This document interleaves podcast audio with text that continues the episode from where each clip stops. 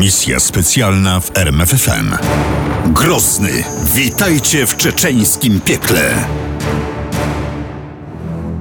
Skąd pani jest? Zapytał dziennikarz BBC.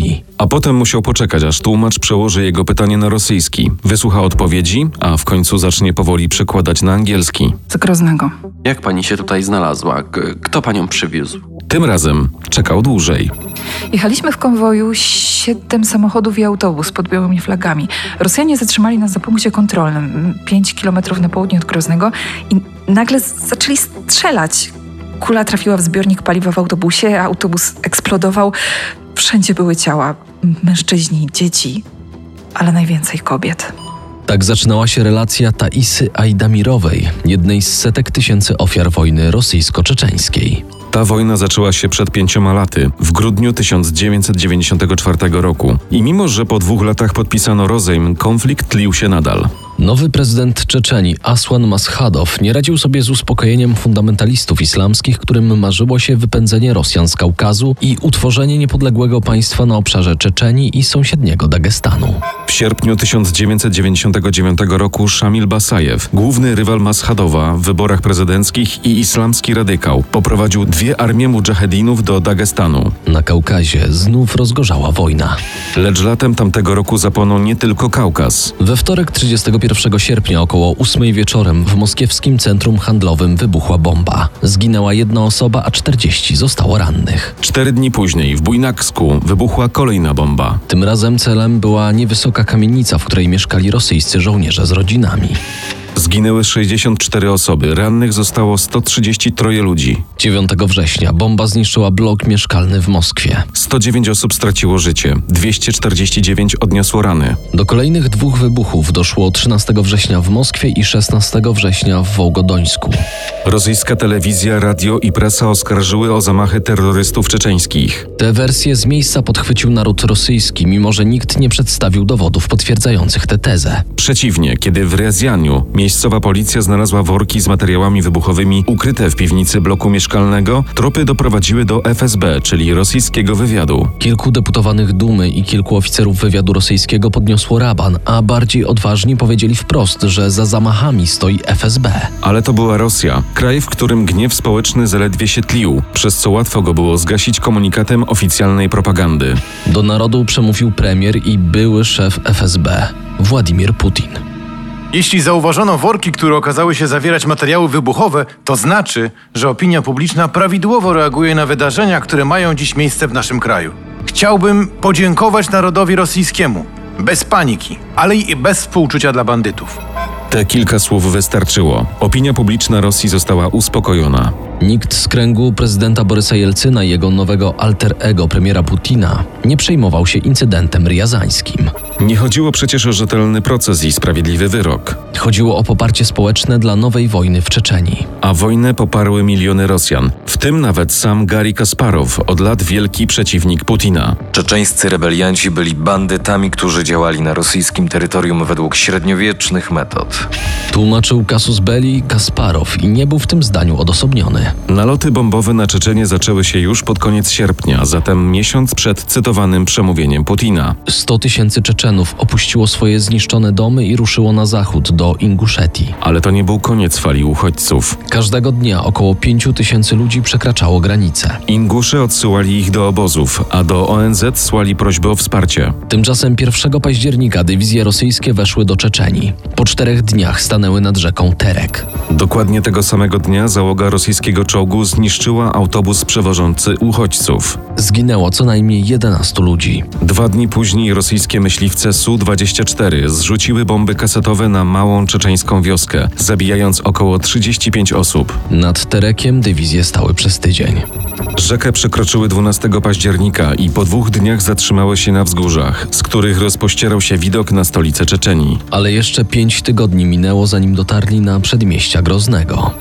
Dzisiaj, 4 grudnia, Grozny został całkowicie zablokowany przez wojska rosyjskie. Mówił generał Wiktor Kazancew, dowódca armii rosyjskiej na Kaukazie. Druga wojna rosyjsko-czeczeńska wchodziła w decydującą fazę. Do Taisy Ajdamirowej uśmiechnął się łód szczęścia. Z Groznego wyjechała poprzedniego dnia, w piątek. Przeżyła tyleż brutalny, co bezmyślny ostrzał autobusu i ranna trafiła do szpitala dla uchodźców gdzieś w Inguszetii. W sali obok leżał 13-letni chłopiec. Co mówił dziennikarzom BBC? Moja mama zginęła podczas pierwszej wojny w Czeczeniu. Ojciec zginął, kiedy Rosjanie zbombardowali targ w Groznym. To było w czwartek 21 października 99 roku. Mimo, że minęła godzina 18, na targu jak zwykle było wiele ludzi zarówno z Groznego, jak i spoza miasta. Największym powodzeniem cieszyły się podstawowe produkty żywnościowe, o które w mieście w czasie wojny trudno: jajka, chleb, mięso. Kwadrans po szóstej przez gwar tłumu przebił się hałas nadlatujących skudów. Rakiet średniego zasięgu. Według śledztwa Human Rights Watch pierwsza rakieta trafiła w budynek około 50 metrów na północny wschód od bazaru, na rogu głównych ulic miasta. Tuż obok autobusu miejskiego stojącego w korku. Druga i trzecia rakieta wybuchły nad centralnym punktem targu, mniej więcej 100 metrów od siebie w pobliżu straganków z kwiatami i słodyczami. I tam było najwięcej ofiar. Dziennikarka agencji Reutera Maria Eismont naliczyła co najmniej 90 ciał. Trudno określić, jaka była rzeczywista liczba ofiar, Szacunki mówią o 100 zabitych i 400 rannych. ale gwoli ścisłości trzeba również dodać, że targ nie był jedynym celem skudów. Rakiety spadły na meczet, budynek poczty i szpital położniczy. Korespondent AFP francuskiej agencji prasowej informował o 27 zabitych, kobietach i noworodkach. Ranni trafili do centralnego szpitala, w którym nie było prądu, a mimo to lekarze musieli operować. 100 rannych w stanie krytycznym natychmiast ewakuowano do Inguszetii. Reszta dotarła tam dzień lub dwa dni później, bo karetki pogotowia zostały zatrzymane przez wojsko rosyjskie, które perfidnie zamknęło granice i blokowało drogi.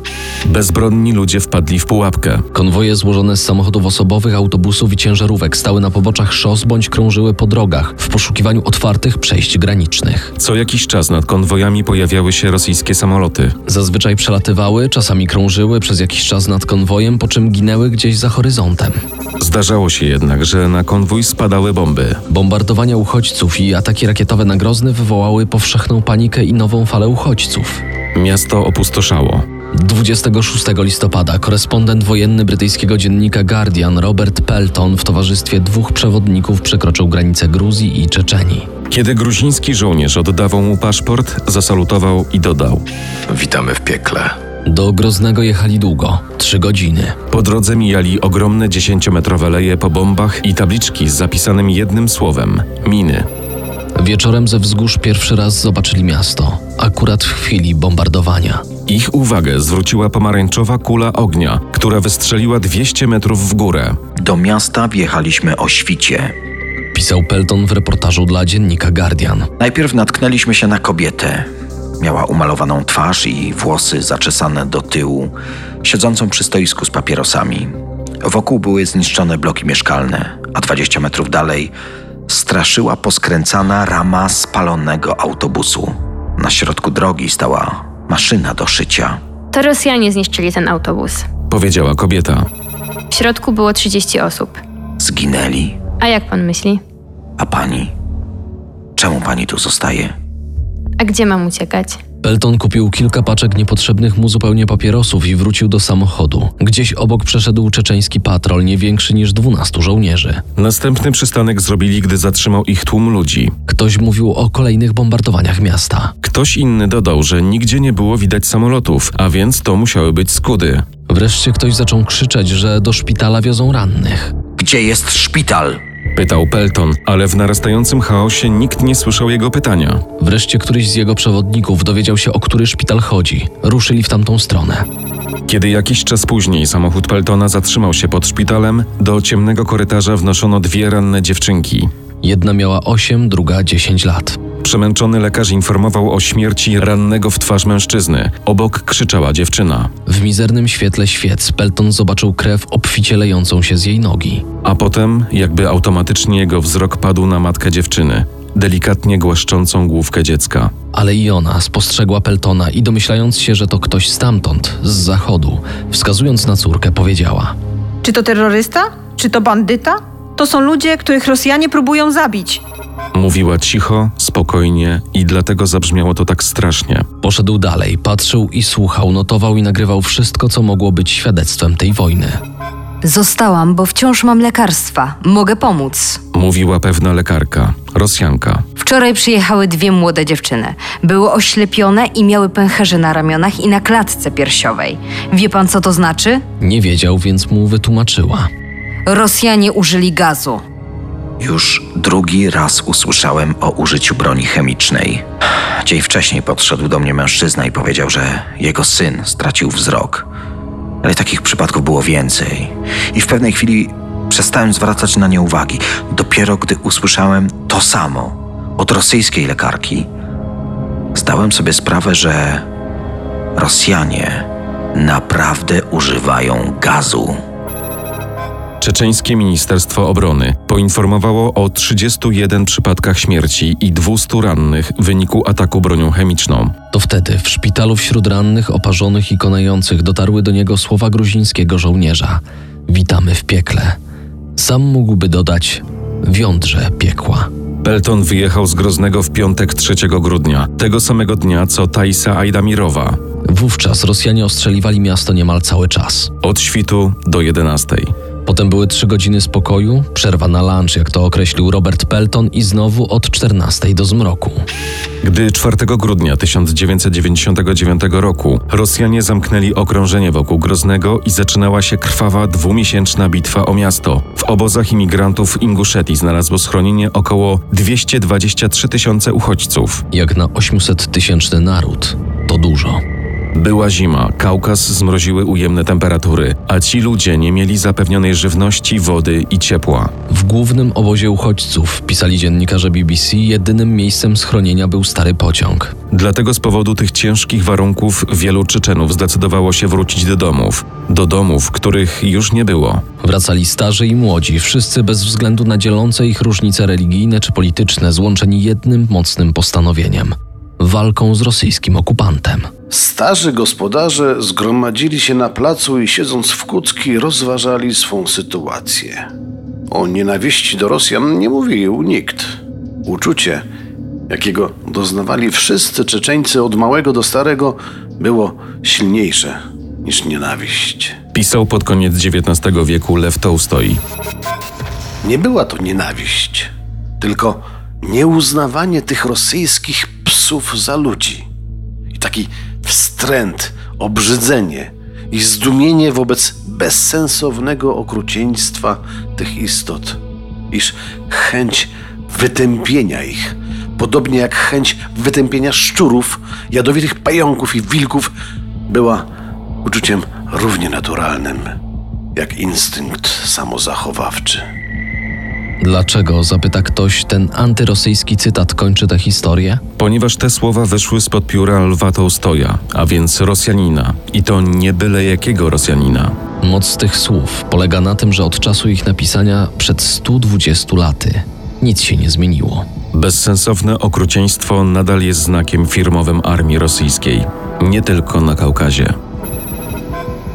Misja specjalna w RMFFM. Na tropie największych tajemnic historii.